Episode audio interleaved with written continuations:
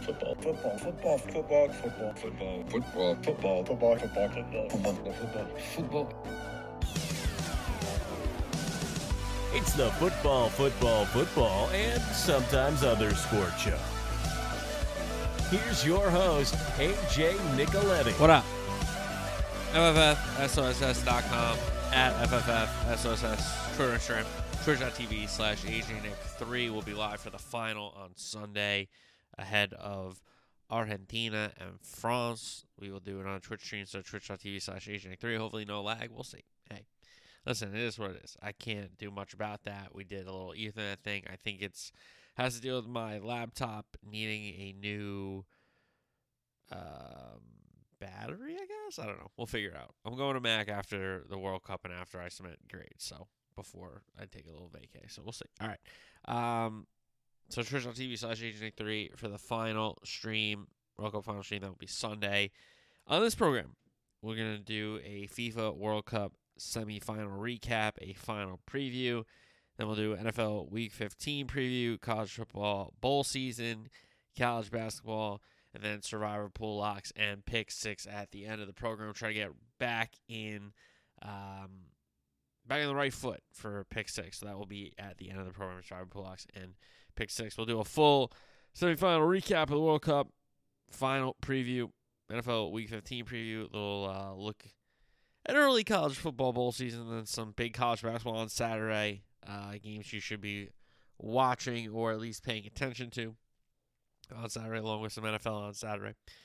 And uh, start blocks and pick six to end the show. Okay, let's start with World Cup semifinal recap. Semifinal number one, Croatia and Argentina.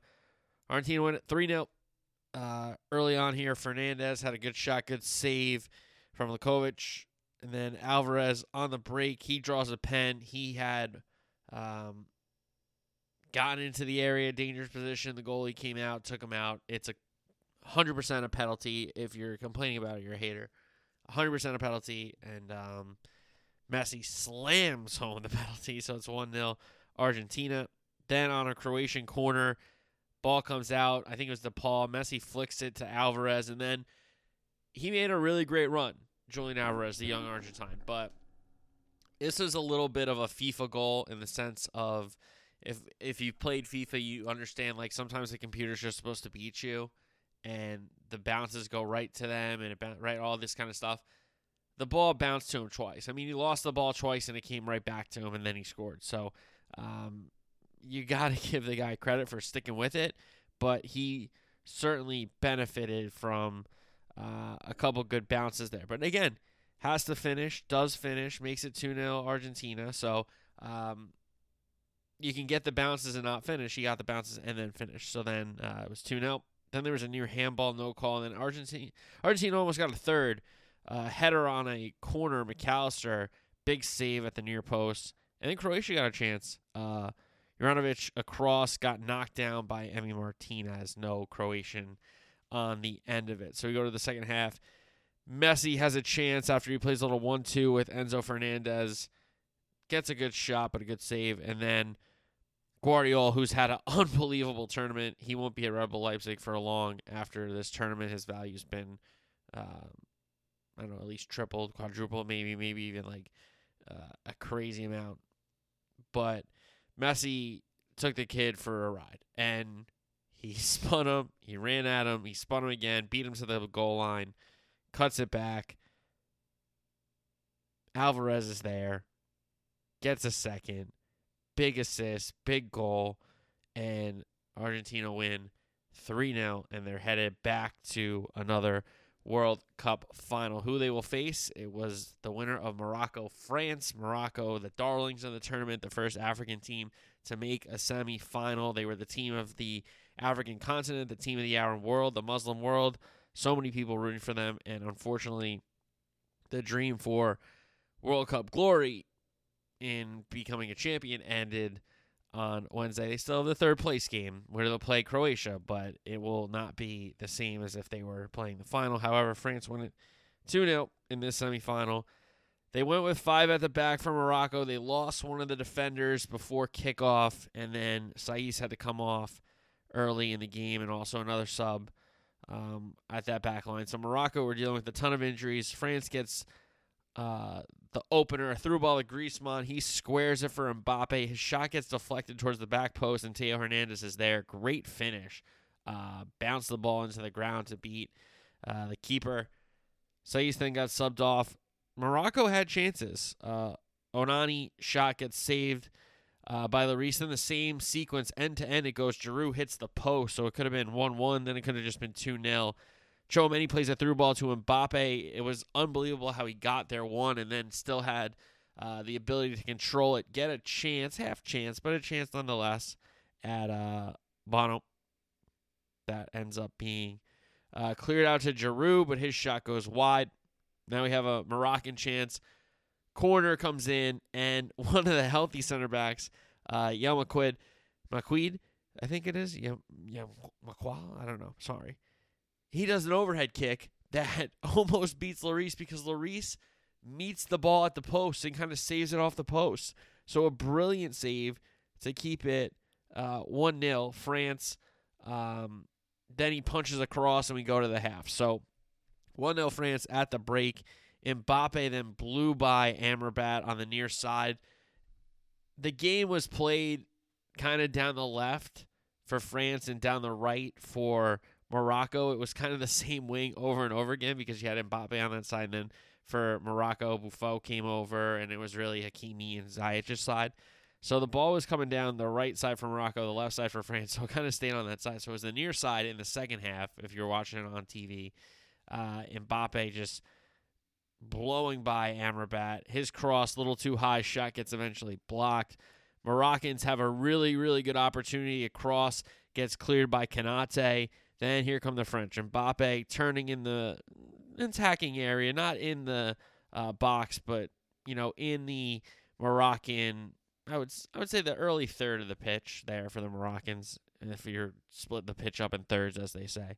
Um, but Mbappe turns, plays Thuram, Thuram into the area, plays it back to Mbappe. Mbappe back in step overs, moving the ball, shifting the ball. He goes to uh, shoot it, but the ball gets deflected to the back post. And Kolo Muani, who just said, come on, one of the youngsters who, if guys like uh, Kimpembe, Pogba, Kanté, Benzema, and Nkunku, um, Lucas Hernandez is obviously there on the roster, but if those guys are on the roster, this guy might not have a spot. But here he is coming onto the pitch in a semifinal, and the ball follows, uh, finds him at the back post. He finishes and makes it 2 0 and then a last Moroccan chance went begging in the stoppage time. So there we had it.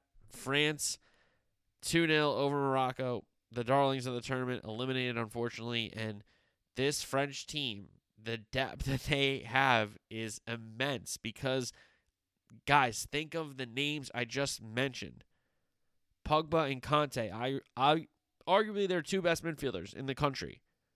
Out. Okay? Kimpembe, who's probably their first choice center back over Varane, out. They lose Lucas Hernandez game one of this tournament. Out. He was on the roster at least, but he's out. Okay? So you lose two defenders, you lose two midfielders, and how about in the attack? Benzema just won the Ballon d'Or and was ready to lead the French line for the first time in a long time because he had not. He was not there in 2018 when they won. It was Giroud leading the line. So Benzema gets hurt. He's out. And Nkunku, who probably would have given, would have gotten a shot at Griezmann's role, but Griezmann's just taken it and run with it. That kind of number 10 that's been defending. He was great during this game, by the way. This Morocco France game. Ibou Konate was great. Um, I'm not just saying that because he's a Liverpool guy, but he was fantastic. So it just shows you this French depth. Um, and the storyline for Argentina. So let's get into the final or preview the final here. Argentina, France. Previous times these countries have won, Argentina winners in 78. Maradona not on that team, but 86 he was. Runners up in 1990 and with Messi in 2014 against the Germans in Brazil. France, the defending champions, winners in 2018 and also 1998. They were the runners up in 2006, losing to Italy in pens. Previous meetings between these two countries. They met in the 1930 group stage. Argentina won 1 0. The 78 group stage, Argentina won 2 0. And then France finally in a knockout, 2018, on their way to winning it. Round of 16, France won it 4 3. Seven of that French 11 are on the team. Five of them are starters uh, for France. Five players from the Argentine squad on this same Argentine squad. And Mbappe drew a penalty in that game with his speed. Griezmann converted it. Di Maria had a golazo for an equalizer. Then uh, Argentina took the lead through a set piece. It came out to Messi. His shot gets deflected by Mercado. So they were in the lead 2 1. But Pavard, a golazo. You've probably seen this one. Uh, epic strike of the ball to make it 2 2. And then Mbappe takes it over. Two brilliant goals. Aguero, credit Argentina did not quit, brought one back in stoppage time, but there was not enough time to rescue an equalizer. So France, the only knockout stage uh, victory in this series, path to the final this time around. Argentina Group C winners. They lost to Saudi Arabia match day one. Remember, they blew a lead there. Uh, they beat Mexico. They beat Poland to get to six points. Round of 16, they beat Australia. They were up 2 0 quarterfinal. They beat Netherlands in penalties. They were up 2 0, blew the lead, went to extra time, went to penalties. They went at 4 3 in penalties in that famous dramatic fashion. And then the semifinal, they beat the Croats and Luka Modric 3 0. France Group D winners beat Australia and Denmark. They lost to Tunisia with one of their backup squads uh, on that match day three. Round of 16 beat Poland 3 1. Quarterfinal beat England 2 1. Remember, Harry Kane had that chance to equalize. So France getting away with that one in the semifinal, took control of the game, beat Morocco 2 0. Argentina team news last time out, they played a 4 4 2. They've been inventive with their formations. Give Scaloni a lot of credit with this Argentine team, whether it's suspensions or injuries. He's been able to uh, figure out which pieces to put in what spots on the tactic and uh, tactical board and team sheet. So they played a 4-4-2 last game. They've played five of the back earlier in this tournament. Uh, Montiel and Acuna are back from suspension. Emi Martinez, obviously the star goalkeeper, he's been very good. He hasn't been called on much, but when it is time and penalties, he makes a lot of big saves. Is it Montiel over Molina now that he's back from suspension? Is it Acuna over Tagliafico now that he's back from suspension? I think it could be Molina and Acuna, but I don't think it will be Montiel uh, starting. It could be Molina and Acuna, but I would think it's Molina and Tagliafico. Tagliafico was really good, and Argentina is going to need guys to defend because Dembele and Mbappe are so fast, so so fast. So those will be the those are the contenders for the fullback position. Christian Romero and Otamendi seem to be the first two center backs that are up. Lisandro Martinez comes in. Um, he's just a little too short to play uh, against a guy like Giroud, to be fair. So that will probably be the center back pairing, R- Romero and Otamendi. Now, depending if they go four in the midfield, and obviously if they go five in the back, Lisandro Martinez will be the third center back to come in alongside Romero and Otamendi. But if they do play 4-4-2 or um, 4-3-3, but with a like a kind of defensive midfield, I guess you say, but 4-4-2, it would be DePaul, Paredes, Enzo Fernandez, and Mac Allister. Mac Allister has been really, really good. Enzo Fernandez has been brilliant. Paredes is kind of getting his um, his form back, I guess you could say, after getting benched after the Saudi Arabia loss. And Rodrigo DePaul what a player this guy is. Does so many of the little things, uh, wins the ball back. If he gives it away, he at least makes it hard for the other team to break. Uh, not a bad passer, you know, like you could think maybe he's like an industrious kind of guy. He doesn't pass well. No, he passes well. He he passes well. Uh, so I Rodrigo DePaul's had a really good tournament. That whole Argentine midfield has been really good. And then you have Alvarez who has scored four goals now in this tournament. He's been sensational. Uh, Di Maria is a big question mark. How much can he give you if he can't start? When can he come on? Can he at least give you a, half hour of normal time and maybe the rest of the stoppage time? Can he give you an hour plus a pen if it goes down to it? Um, and Alvarez has to play over Lautaro Martinez. Like Lautaro Martinez is a very, very good player. If you listen to this podcast, like when I talk about the Inter team, like he is an integral part of that team. He scores goals for them. He puts the ball in the back of the net. But the shirt is really heavy. The Argentine shirt is really, really heavy. And Alvarez, for him, it's light right now. For Lautaro, it's not. Now, Lautaro, give him credit. He had the winning pen against the Netherlands, but really hasn't done much in this tournament, to be fair. And the big man, the guy who makes it all happen, I know he's not big, but he is big in um, not size or stature, but what he represents, and it's Lionel Messi. Uh, if you did not see the the reporter, um, if you did not see the Argentine reporter basically ending her interview with like saying this isn't a question like even if we don't win like it's great that we've gotten to the final again but even if we don't win like you don't have to win to be validated kind of a whole thing it was really really nice and he and Messi took it to heart it was a very nice moment so uh, just another human moment for maybe like when you think about how big football is soccer whatever you want to call it footy and you understand how integral this guy is to the sports story, he could theoretically be the best athlete of all time. There's an argument there because soccer is the world's game and he's the best player. And if they win this tournament in his last game, like he's the best ever. Like for me, he still is. Like obviously Pele and Maradona and Cruyff and all these these the guys of the older generation are unbelievable players no doubt about it. You know, Henry's and Ronaldinho's and all these guys, and sure, but this is the Messi Ronaldo kind of debate, and I don't. I'm not a Ronaldo hater by any stretch of the imagination. Anyone call me that would be crazy, absolutely crazy. Um, so I don't do that. But this is the Messi Ronaldo era, and I just have Messi being the best player of all time. And if he wins on Sunday, it just affirms that further. And for me, I'm kind of like the Argentine reporter. He doesn't have to win, but it'd be really, really cool if he did. Now, so that's the Argentine news. How about the French news? Well, why uh, Fofana and Konate were in the French side, the 11, was because illness has ran through the French camp. Rabiot, not even healthy enough to go to the game. They don't want to get him, uh, have him get anyone else sick.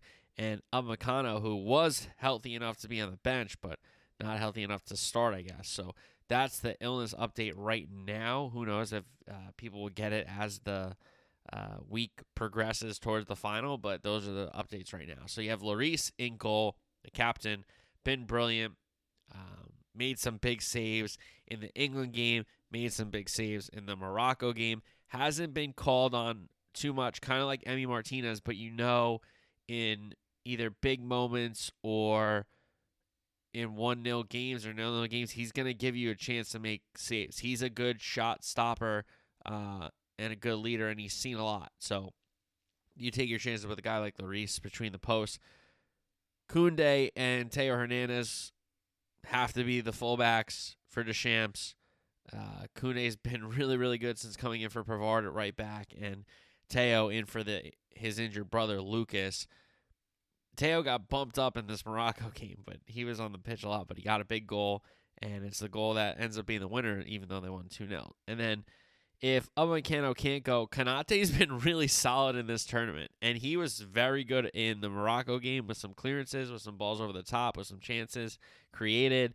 Uh, Varane's been good as well, but you know the future pairing is obviously like Konate and Saliba or Konate and Upamecano because uh, Varane getting a little older. Obviously, Kimpembe not there, but getting older. So Konate, Varane, or Upamecano Varane will be the center backs. Now, in the midfield, if Rabiot can't go, he probably goes with Fofana again. But I was, I'm really interested in how Fofana is ahead of Camavinga in this side for Deschamps. It doesn't make a ton of sense for me.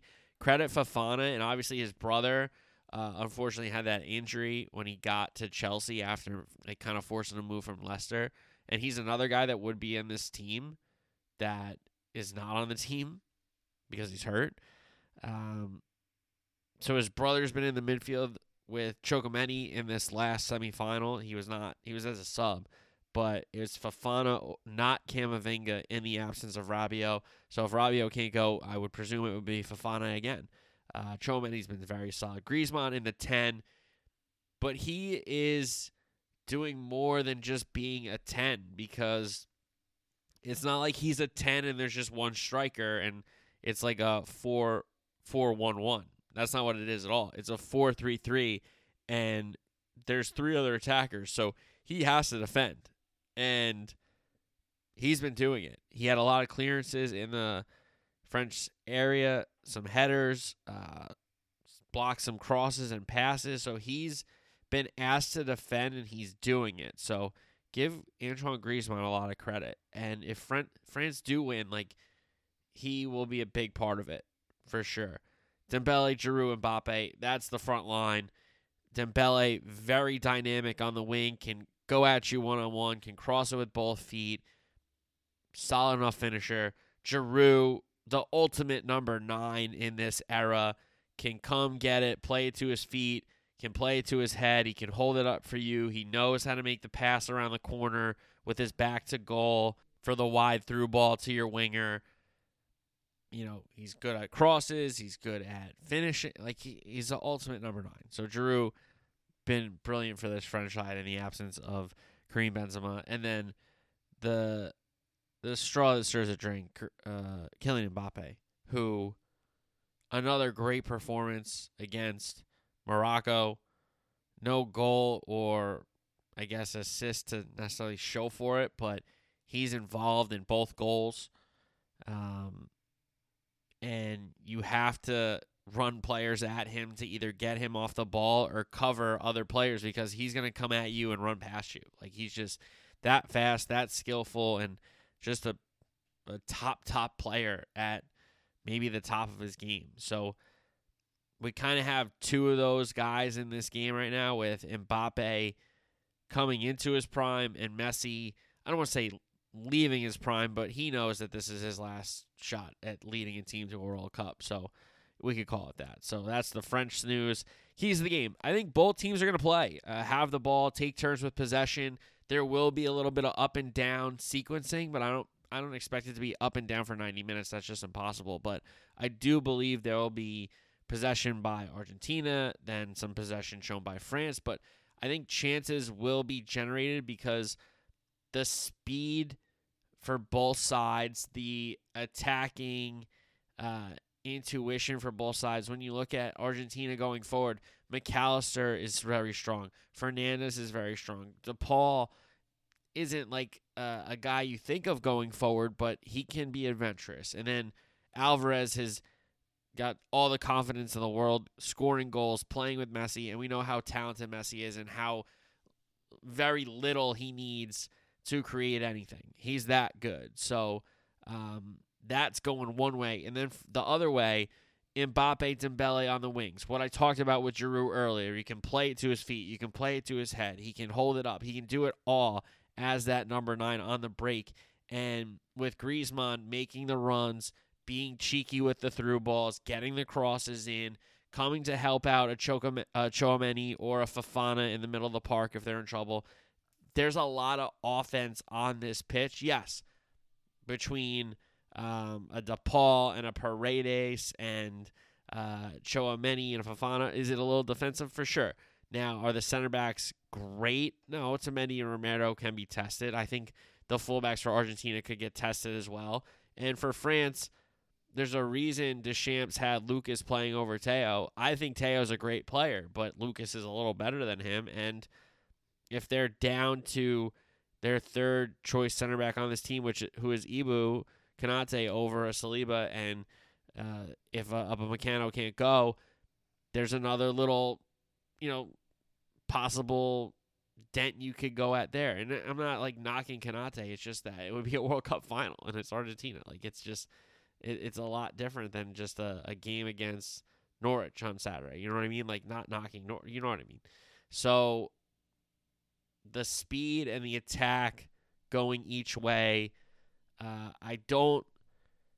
This is the first time France had kept a clean sheet in the tournament. I think it might be the second time Argentina kept a clean sheet in the tournament, if I'm not mistaken, um, in their semifinal. So these teams have given up goals. Argentina in space have been very dangerous, as has Mbappe and Dembele. So it's not like one team wants to just create the space and the one other team wants to restrict it. No, it's kind of going to go from big switches, turnovers, all these kind of things, and uh, the space will be exploited by both teams. Now, what formation does Argentina play? Di Maria, how much can he give? Scaloni and the rest of those his guys. It's there's a lot of interesting points for this Argentina squad. Di Maria, big one. He's got to give you something. Whether it's 30 minutes in normal time and, and 30, uh, like you can bring him in on the hour mark, do it. You, know, you can bring him in with 50, 50 minutes on the clock, do it. But I understand if he can't start. Alvarez has been really good. I think you got to give him time to make an impact on the game and not go to Lautaro Martinez so fast, especially in a final. Um, again, the formation they have all their defenders available now with Montiel and Acuna coming back from uh, suspension. Could be Acuna in at left back over Tagliafico. Could be Montiel back at right back over Molina, but Molina's been really good. Um, had a goal in this uh, tournament already with Messi providing the assist. Was that against the Netherlands? I'm mistaken, yes. So, um, Argentina, what formation, what personnel are they in? Big, big uh, dictation of how this game will go and how they're planning it. Now, for France, who's in the midfield next to Tchouameni? Is it Rabiot back from the illness? Is it Fofana? Does he give Camavinga a chance? I would say no. Uh, so if it's not Rabiot, it's probably Fofana. And who's alongside Varane? Does Konate get another nod? Is Upamecano back in uh, favor after being getting over that illness, whatever it is? So the speed, the open spaces, I think both teams will have the ball. I think we're going to get an exciting final because both teams are going to want to play. It's not like we're getting a team that thinks they're the underdog and has to defend for 90 minutes and, and defend for another half hour and get its pens to try to win. No, this is teams with superstars. These are teams that should be here. These are teams that can win this tournament and teams that if I told you it was Argentina France in the final before this tournament started, you'd be like, okay, that makes sense. Yeah, those are two really good teams. And we are set up for an all time final because we have France who are trying to join Italy in 34 and 38 and Brazil in 58 and 62 to go back to back. It has not been done in a long time. It is a tremendously difficult task, and France are 90 minutes and a lead away from doing it. Now, the other side, Argentina, for Messi, it would be the crowning achievement in a illustrious career that only really is missing this. And he had an opportunity with a team that, for me, wasn't as good in 2014 and let him down in 2014. Uh, Higuain um, missed big chances. There were other players with big chances. And Messi did all he could in that World Cup. In 2018, he did a lot in that World Cup, all he could. And in this one, he's done all he can. And some time ago, early knockout, I think after the round 16, I said, I think it's Messi's tournament. I think it's Messi's World Cup, and some of us know it and some of us don't. And I said, I think I could be I could be dead wrong.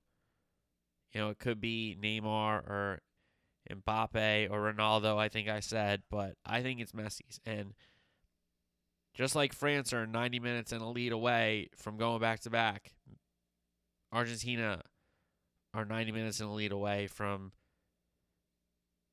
making the ultimate history. Because when the greats win the big tournaments, everyone remembers that. Everyone remembers when the greats win. So this would be the only thing missing for Lionel Messi. And I think Argentina get it done. I'm going to say 2 1 in normal time. Messi masterclass, goal and assist, gets his golden boot, and just shows everyone how to go out like a champion would, uh, the, the greatest of all time would. in this competition. And listen, if I'm wrong here and France go back to back, you tip your hat to the Deschamps. You tip your hat to that squad. You tip your hat to the depth. You tip your hat to an all time run for France. Who, not great in the Euros, sure, but to go to a Euro final, lose to Portugal, then come back, win a World Cup, and now in that next World Cup be in the final, outstanding. And they can cap it off and go back to back.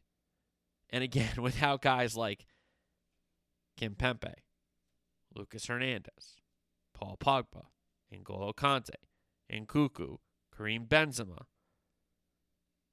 That just shows how good they are as a football nation, how much uh, talent they have as a football nation, and if they were to go back to back, it would be all time history, and they would be very deserved. I'm just trying to root for the other way because I think the guy from Argentina that wears 10 deserves it more than anything. And I'm just hoping that we get an all time sports story here. And even if France win, it's an all time sports story the other way. You know, it, it's so close for Argentina. Again, they lost. It is what it is. Messi goes out, losing a World Cup final. I'm sure there'll be plenty of memes of him crying and all that stuff. Fine. And he would give France a ton of credit. But this Argentina side has something special brewing. And in 2010, if you remember, Spain won the whole thing and lost their first game to Switzerland. Argentina trying to become the second side to lose their first game and win the whole tournament. So we'll recap the final on next Tuesday's show. We will stream the final, watch along, twitch.tv slash AJNick3. So be ready for that on Sunday. Cannot wait. Argentina, France, the final. It all comes down to this. Very, very exciting. All right, let's go from footy to NFL football. Week 15, no buys. Everybody's back. We got Thursday football, we got Saturday football, we got Sunday football. So Thursday is NFC West, San Francisco and Seattle. And Brock Purdy has looked solid for this Niner team in his uh, appearance taking over for Jimmy Garoppolo and now starting against Tampa Bay. He's looked solid. He's used his weapons. And defensively, we know how good that Niner defense is. Now, for Seattle, who lost to Carolina at home, maybe you could argue look ahead spot, but that's not good. That's not good enough. And if Seattle want to, you know, compete for this playoff spot, maybe even win this division still, that's not going to be good enough. Now, they're at home. It's a big game. Geno's been very good. Kenneth Walker's been very good. Geno and Lockett and Metcalf are kind of emerging as this quarterback, wide receiver, wide receiver combo. Um, and defensively, Seattle with some younger guys, especially on the back end, have done a really good job. So I think this is kind of a defensive struggle. I think it's a, a game where turnovers are going to cost you. And right now, even though Geno's had a really good season, uh, he's been turning over. They've had some turnover issues, and I'm just gonna get. I just think San Francisco gets a road win in division here, and this San Francisco team with Shanahan, I mean, he's just been a problem solver since getting there, and he continues to find solutions to these issues that come up with these quarterback injuries. I mean, it's outstanding what he's done. So uh, I think you give the Niners a nod on Thursday night. Saturday, little triple header action. One o'clock game is Indianapolis, Minnesota. Indy coming off a bye. Minnesota lost at Detroit. I like the Vikings in a bounce back spot here. Cousins and Jefferson. So it wasn't really Cousins' fault. Uh, and Jefferson had a great game, so I don't really blame them necessarily. Just defensively, they didn't get a stop against the Lions. So I think defensively they bounce back. Offensively, they keep it rolling um, per se. And Indy Three losses in a row, not good enough. The Saturday thing was fun, but now they're getting their butts kicked. So uh, give me Minnesota at home to bounce back. Baltimore and Cleveland up next on Saturday, an AFC North showdown.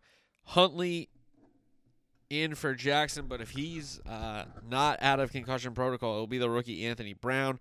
Watson, first home game for uh, Cleveland. Their offense getting a little better. Uh, working it out through a couple weeks now of getting Watson back in the fold uh, and in the mix. For me, this is a low scoring, tight game, especially if it's Anthony Brown for the Ravens. They're going to understand that they can't turn the ball over, and defensively, they just need um, need to have some good uh, possessions and limit Cleveland uh, touchdown opportunities and make them kick field goals because the Ravens have a good enough team and scheme no matter who the kind of quarterback is, that they should be able to move the ball into field goal range consistently. Now, do they get touchdowns? Do they get big plays? No, not necessarily. But with Greg Roman calling the plays and scheming it the way they run it with Lamar, they can run it with other quarterbacks. Now, Lamar's a bigger home run hitter, and Lamar uh, makes a lot of more things happen because of um, his ability in the open field. But if you have players that are similar at the position and want to run and do read option, like you can keep the ball, work the clock, kick field goals, and still find a way to win this game. I think it's a low scoring game. I think it's a field goal game, but Cleveland somehow pulls it out. Nightcap, Miami and Buffalo. Miami's in a tough spot here and on a tough run. Um, going out west, unfortunately, losing both those games. They don't look good against San Francisco. Uh, they unfortunately lose a game against the Chargers where they didn't look great either. And now all they got to do is go up to Buffalo and go in the snow against Josh Allen and the Bills, who are trying to find themselves in the end of the regular season and, and peak at the right time after struggling a little bit there in the middle of the season.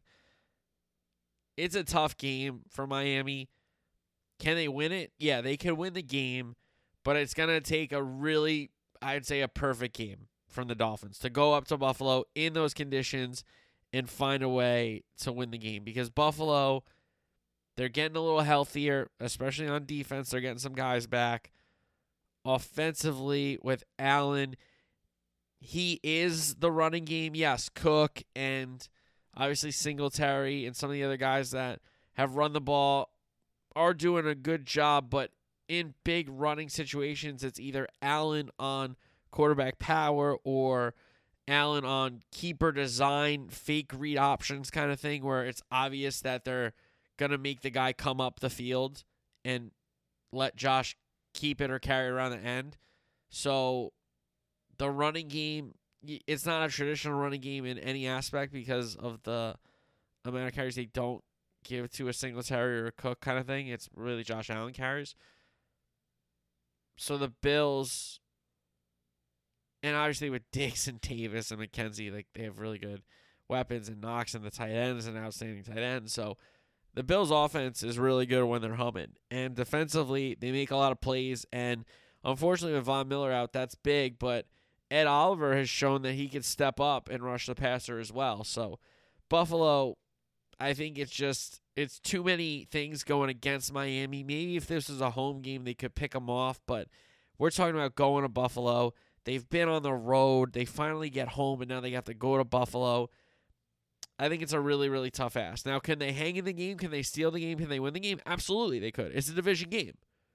Any division game can get stolen. That's just how it works. But I think it's very tough. It's on the road, um, and they're certainly asking a lot out of that Miami Dolphins side. So give me the Bills there. Sunday games Atlanta and New Orleans, both off the bye, and both with some quarterback news. For the Falcons, it's Desmond Ridder, the rookie, will get his first start. And for the Saints, it's still Andy Dalton, who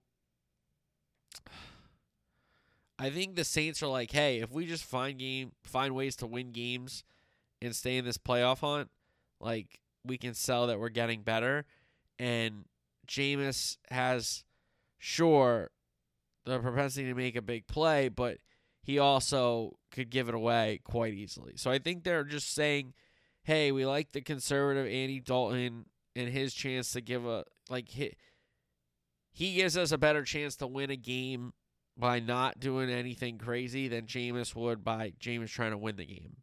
Andy Dalton's not trying to lose you the game. Jameis could lose you the game.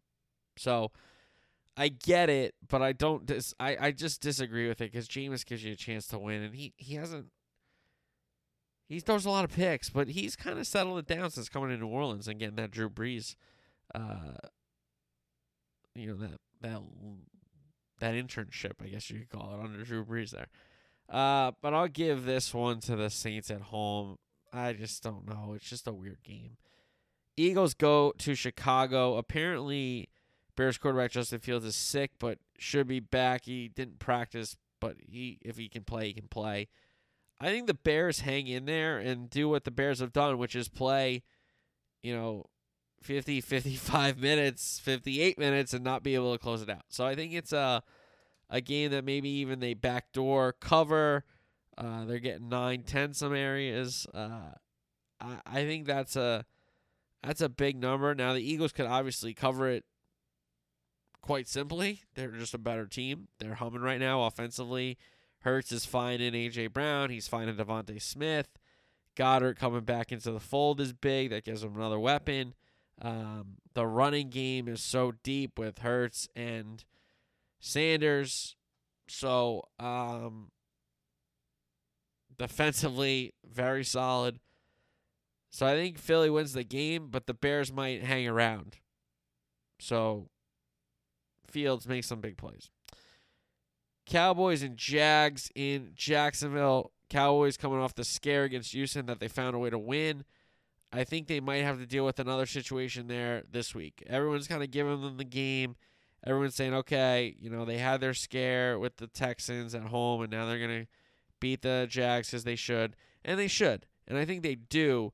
But I'm just. Lawrence can make some plays. Yeah, he's going to give you a turnover or two just because that's just how it is right now in his development. If you trick him, uh, you could get him. So, though I think that turnovers will happen for the Jags offense, I think they'll be around it in the game. Cowboys find a way to win the game. Detroit come to Jet Life to take on the New York Football Jets. It'll still be Mike White, even though he's banged up. Detroit fighting back into this postseason hunt. Uh, Jets, I think, still are in the playoffs technically. If they ended today, are they not? If not, I'm sorry, but they're one game out. If not tied, um, this is an interesting game. Jet defense. Can the Jet defense be the best unit on the field? Because if the Jet defense is the best unit on the field, Jets win the game. Because this game to me isn't really about when the Jets have the ball. Because yeah, they'll get some points. They'll manufacture some drives. They'll convert a couple touch uh, field goals into touchdowns instead of settling. But if the Lions offense can consistently score touchdowns against the Jets, they're in trouble. Because I don't know if the Jets can consistently score touchdowns. Because we saw in the last two weeks, you know, they didn't really get much going against Buffalo, and then so many field goals in Minnesota cost them that game. They should have won that game, to be fair, um, if they score some touchdowns. So I just I don't think the Jets can get a ton of touchdowns against the Lions, even though the Lions don't have a great defense. That's for sure. Everybody knows that. The Lions give up a ton of points, but um, I think the Lions offense will get enough opportunities to beat the Jets defense for touchdowns, and the Jets will either get field goals or not score. Because I, I just this Jet offense to me, they've lost what four tackles, two at each position. They've lost offensive linemen. Uh, they have the turbulence at quarterback, obviously, which has now been settled down by Mike White, but he gets killed every game. So how how many more games do you think he can play like this? Uh, it's just too many factors for the Jets. Give me the Lions to get a roadie here. Shout out my guy Moose, the roadie. Pittsburgh and Carolina. Um, I think this is low scoring. Darnold's looked all right since coming back to Carolina in the fold in the fold as the starting quarterback. Pickett in concussion protocol, most likely out.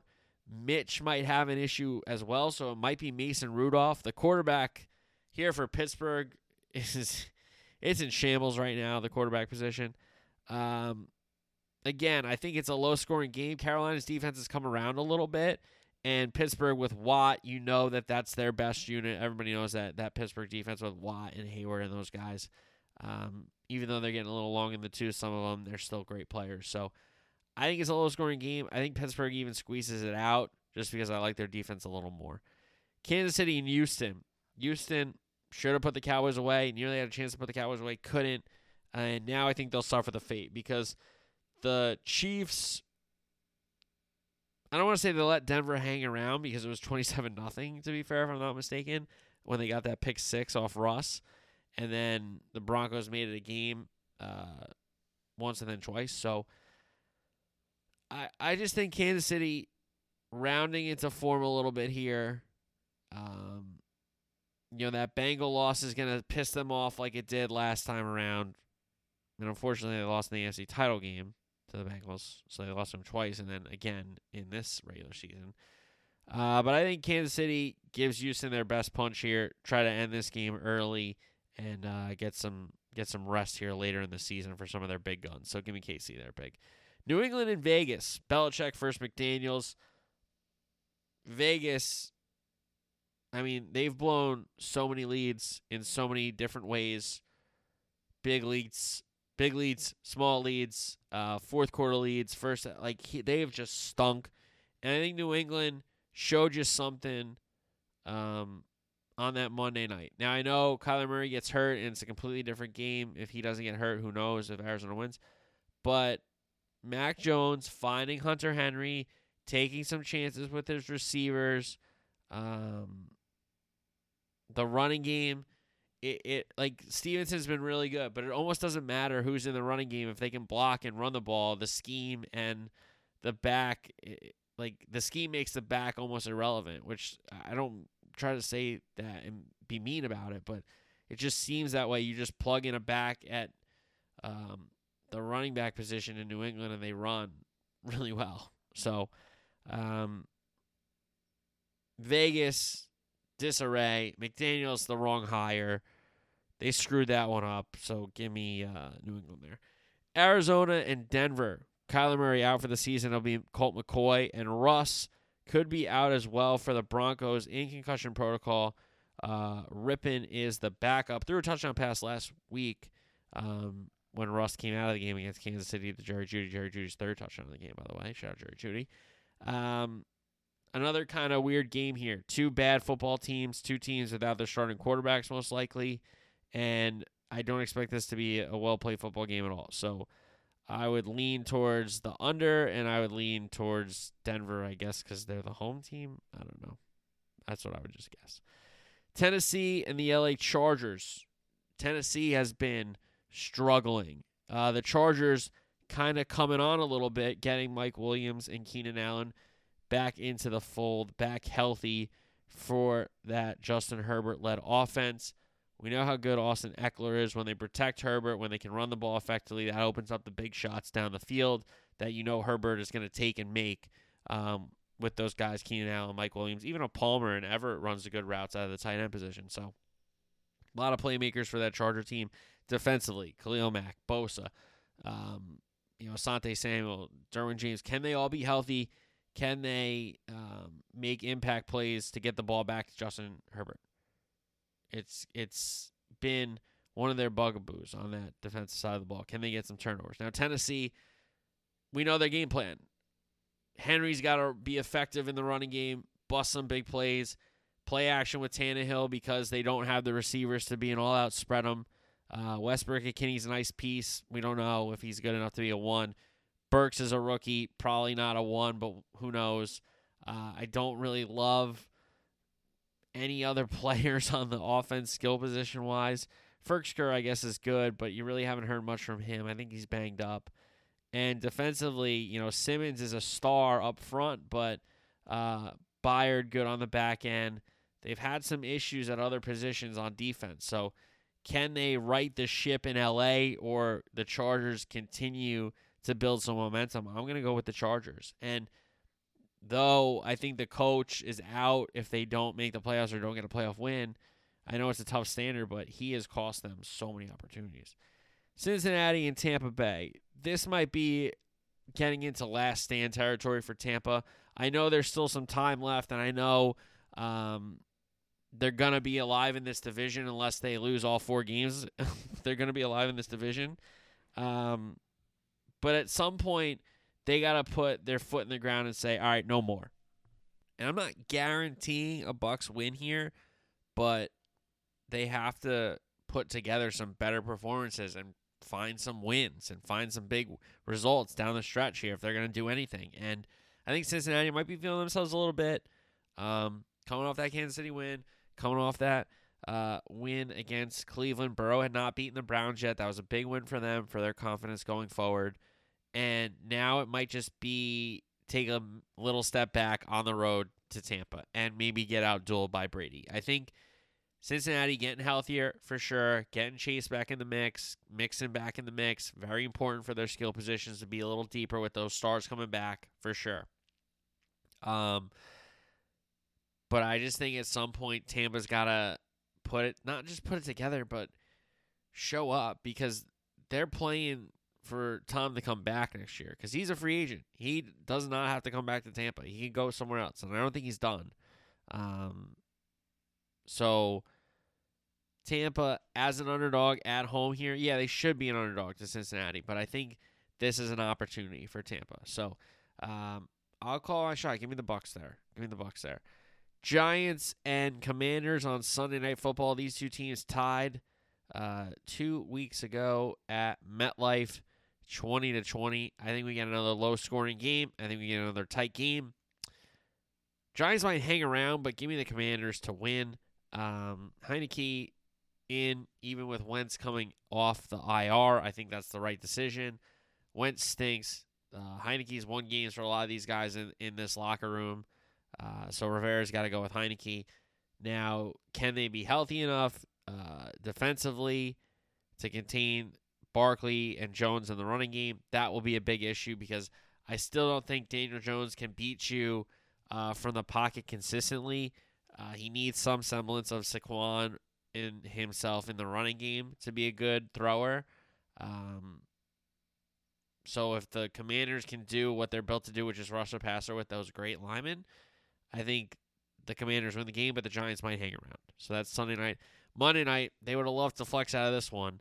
Uh, the Rams and the Packers, Baker Mayfield Rams, mini bye here Thursday and a Monday, so they'll be rested. But the Packers coming off a real bye, so not like they get a rest advantage, the Rams. But at least Bake will probably know some more hand signals and some more plays, so that's good.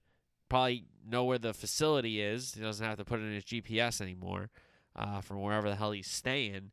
Um, Green Bay, another kind of team like Tampa.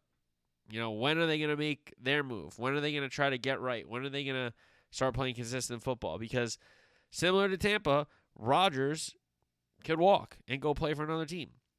Now, I'm sure there's some Green Bay fans are like, good walk, dude. We've enough of you. And I know he's, you know, won them a title and been a record breaker and a great quarterback and made you contend every game he's been in for sure.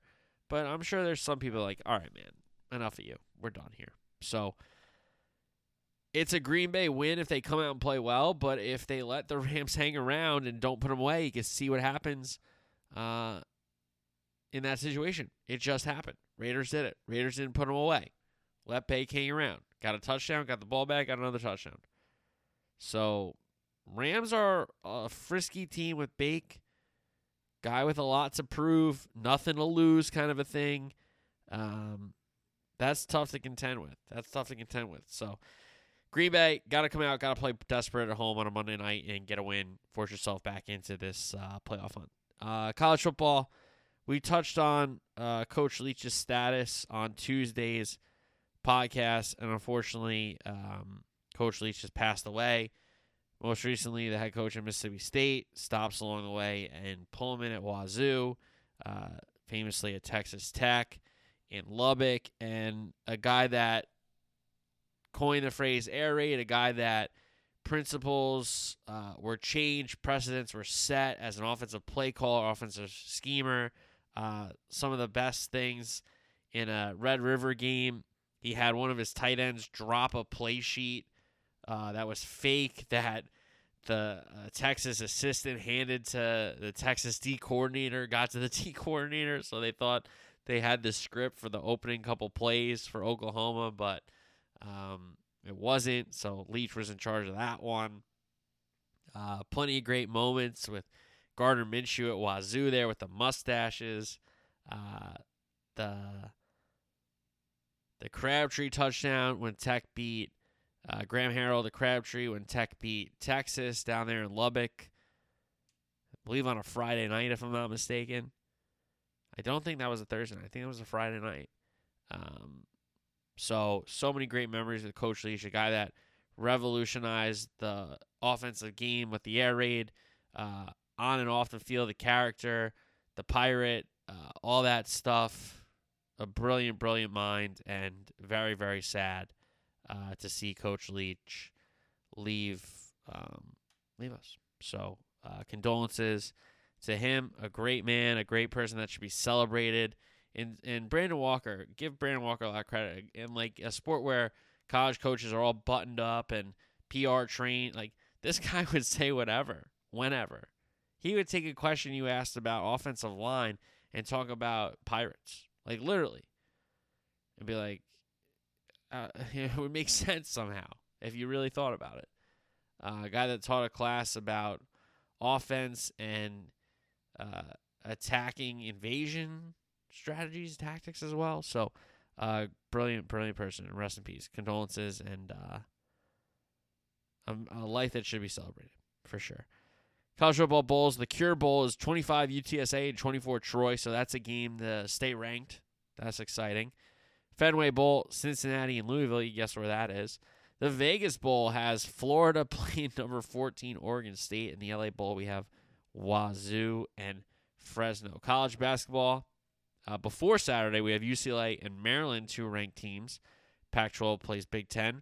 UCLA will be in the Big Ten soon enough, so that will be a conference game soon, which is crazy, but nevertheless. Saturday, we got five ranked games. We got Indiana, Kansas, Gonzaga, Alabama, Houston, and UVA, UCLA and Kentucky, and Tennessee and Arizona. Five ranked games on Saturday. Going to be very, very exciting. Um, some great college basketball to have on your, you know, your second TV if you got the NFL games going, maybe college bowl games as well. But I would say these college basketball games are better than those college football bowl games. I'll just say that. Not trying to knock um, the the college football bowl system, but these basketball games are really good. So um, we got that. Also, I forgot to mention the third place game, Croatia and Morocco.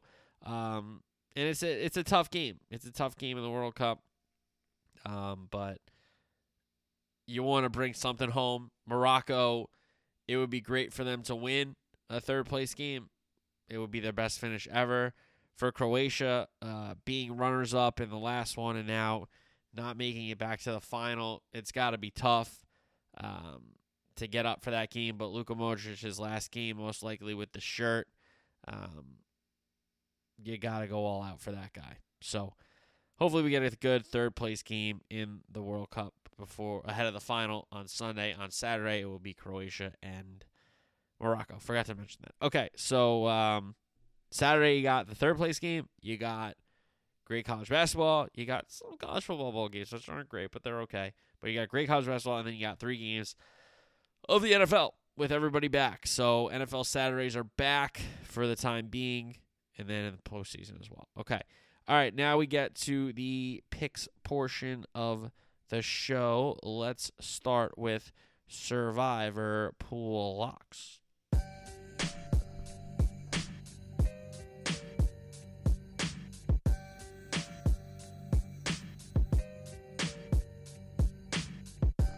Survivor Pool week 15. We're 32 and 10 on the season.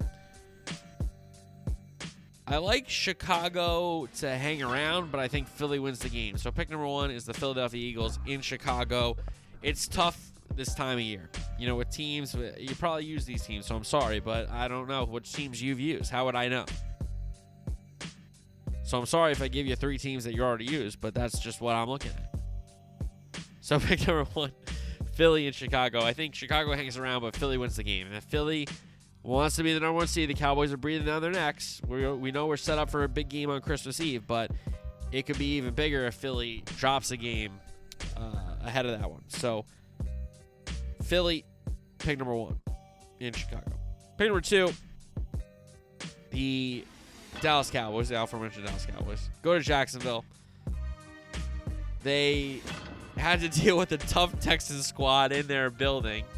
Um, and fought and escaped with a win at home. The Cowboys did. Now I think they open it up a little bit. Uh, Jags could hang around, but Cowboys win this game in Jacksonville. And pick number three, Kansas City in Houston. Texans had an opportunity to win a big game in Dallas without a lot of their players, changing quarterbacks, doing all those things, and they let it go. And I just don't think they can get up again like they got up for that state title game, I guess you could call it, between Houston and the Cowboys. Uh, in Kansas City, not impressive against Denver. Let them back in the game, but Kansas City pick number three here in Houston. So we're 32 and 10.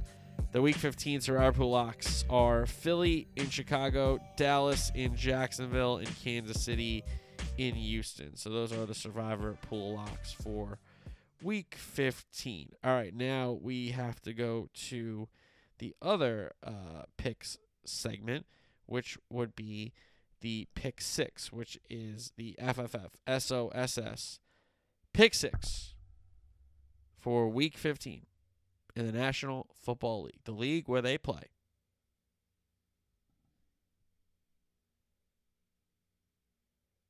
For pay.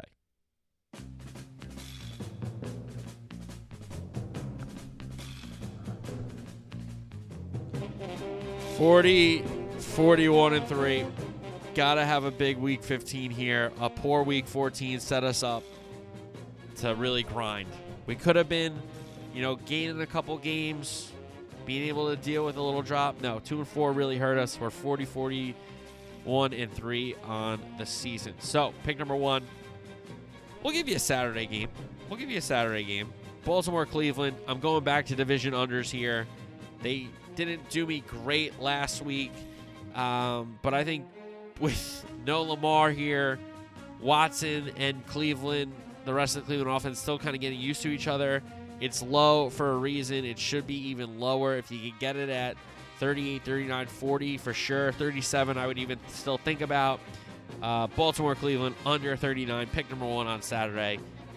Quarterback issues, uh, not great offenses, solid enough defenses, and kicking. So give me the under 39. Baltimore, Cleveland, pick number one. Pick number two. I told you I like Philly to win the game but I like the Bears to hang around, even possibly backdoor it, make it interesting. Nine is too many points for Justin Fields because he can bring a touchdown from a, a play that should have been a sack. And even though they haven't been great in late games, they've been all right in third quarter and making it interesting into the fourth quarter. So I think nine is too many points.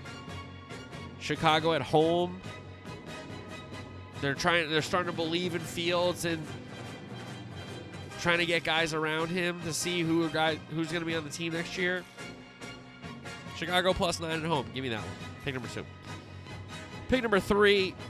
Another under here. This is not same division, but Pittsburgh with it being Mitch Trubisky or Mason Rudolph. I don't think it matters. The Pittsburgh offense is not good enough. And Defensively, I think they're really good. Carolina, I don't think offensively they're great. I know they went up to Seattle and won, but they were the benefit of some turnovers, some short fields. And the Carolina defense is better than given credit for, to be fair. So I think it's the defensive show in Carolina. Pittsburgh, Carolina under 38 is pick number three. Pick number four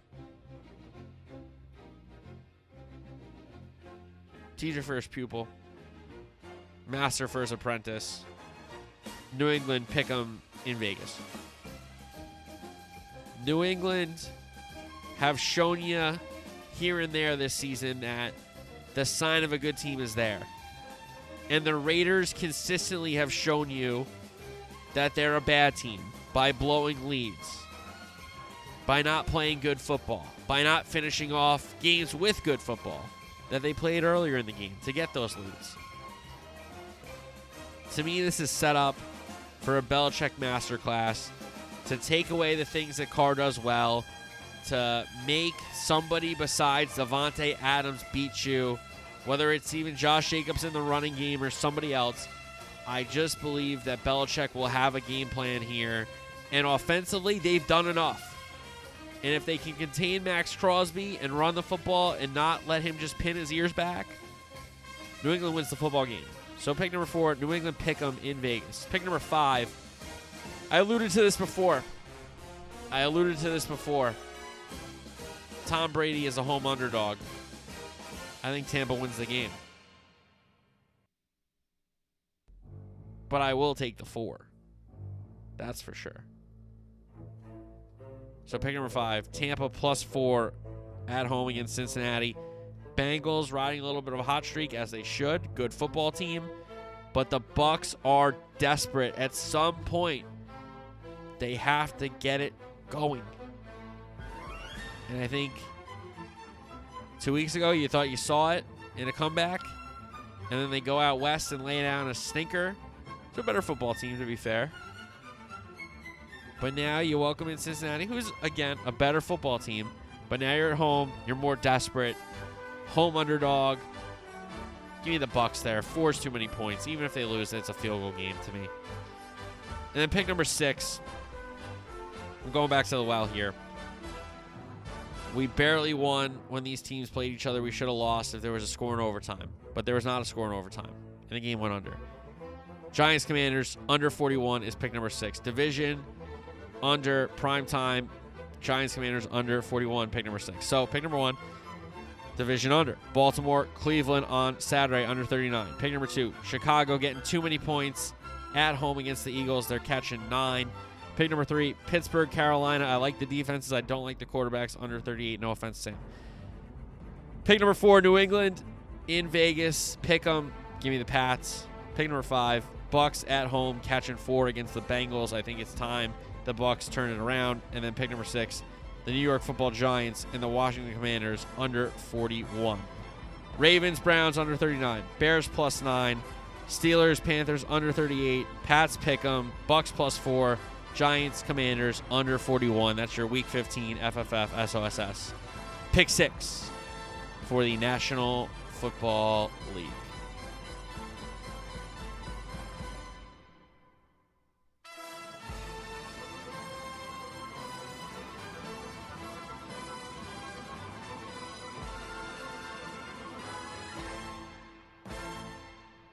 All right. So that is this week's pick six in this uh, Thursday's program. We will have a France back to back or the ultimate glory for Lionel Messi to talk about on Tuesday. We'll recap the final, we'll recap the third place game, we'll recap NFL week 15, talk some Bulls, talk some college basketball, and try to finish this year strong. So, everybody, uh, getting ready for the holiday season. Be safe out there. Got a holiday party, no drinking, no driving. Enjoy the final. I'll talk to you next week. Until then, peace.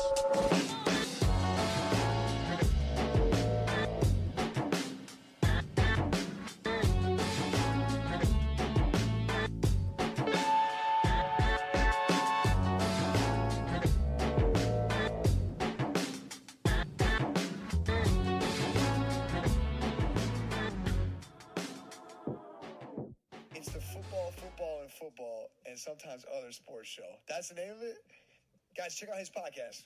That sounds like my kind of podcast. Football, football, football, and sometimes other sports show. Sounds like me.